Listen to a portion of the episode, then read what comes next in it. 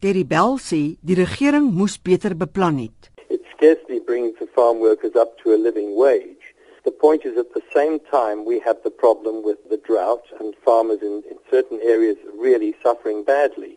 And this shouldn't be an excuse for not providing decent wages and conditions for workers. What we should have is government should a long time ago, knowing that the El Nino thing was coming in, should have made provision for what was happening, what was about to happen, Peer van Eden, wat reeds 12 jaar buite Edenwil in die Vrystaat boer, sê talle werksgeleenthede in die arbeidssektor is verlore sedert die instelling van die loon. Om nie werkers af te dank nie, moes ons inpas by 'n sekere stelsel wat ons weeklikse werksure verminder het. In tye wat dit nie druktyd is, werk ons ook nie Saterdag nie en ongelukkig kan hy nie meer daai die maandelikse kosrantsoen vir hulle gee nie.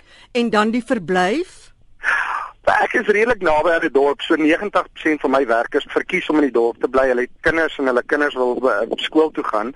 So ek het 'n voertuig wat elke dag inry dorp toe en hulle gaan haal, maar ek het nog van die ouer werkers wat nog op die plaas bly. Twee van van Eden se werkers sê dit was 'n swaar jaar en dat kos duur is. My naam is Joseph. My van is Mofokeng. Ek bly op die dorp maar.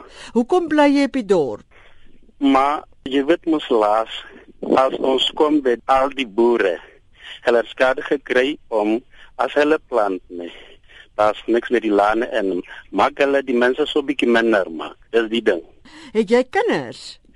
Ja, maar ek het so drie kinders en 'n vrou. Gaan hulle skool? Ja, al drie van hulle maar. Hulle loop die skool. Het jy 'n hophuis of het jy self jou huis gebou? Maar pragtig. Ek bly by die Sint-Plate huis ek. Hulle het vir my niks huis gebou nie. Die minimumloon, werk dit vir jou goed? Ja, maar daarom ek gaan maar aan maar so swaar maar hoor want die ding wat ek so heel met hom dis die kos, nee. Die kos word so duur, word duur elke elke jaar. Ek is uh, Malfetani Jonas Sibekom. Doen nog op die plaas. Hierdie minimumloon, maak dit jou lewe beter? Nee, hy maak nie beter nie. Dis goed bietjie snaaks vir my. Dit was 'n uh, ander jaar vir ons diene. Is dit hoekom so? Ja, nee, dit was baie bietjie vroeg dis vir ons nee. Goed dat jy swaar gekry het en alles. Het jy kinders, Jonas? Ja, ek het net drie. Gaan hulle skool? Nee, hulle moet die beste van die wêreld kry, nee, dat hulle kan uh, die education hê en alles kan hulle wat en ook die werk soos ek hulle pa vir hulle werk mee. Die senior bestuurder van arbeidsverhoudinge by Agri Suid-Afrika in Pretoria, Elise van der Westhuizen, sê volgens die arbeidsverslag van Statistieke Suid-Afrika het talle werksgeleenthede verlore gegaan na die minimumloon in 2003 ingestel is. Volgens die jongste verslag van Statistieke Suid-Afrika wat op 25 Februarie bekend gemaak is, is die afgelope kwartaal se werksverliese in die landbousektor 37000. Dit was nou aanloop van 'n klomp prosesse om plaaswerkers ook onder die arbeidswetgewing bedeling in te kry en daar was ook 'n tydperk van konsultasie deur die destydse minister met plaaswerkers in die industrie sowel as 'n uitsteltydperk en toe die nuwe loon in werking getree in 2003.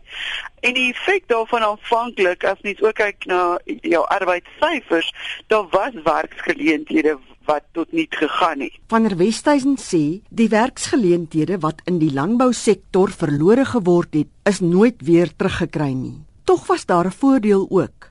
Van 2003 af het die boere ook nou gewoond geraak aan die idee dat die salarisstruktuur van werkers dan nou gereguleer word en in 'n mate het dit ook sekerheid gebring vir 'n boer oor wat hy moet betaal, maar ook saam met dit, daar's ook spesifieke diensvoorwaardes wat vir landbou ontwikkel is.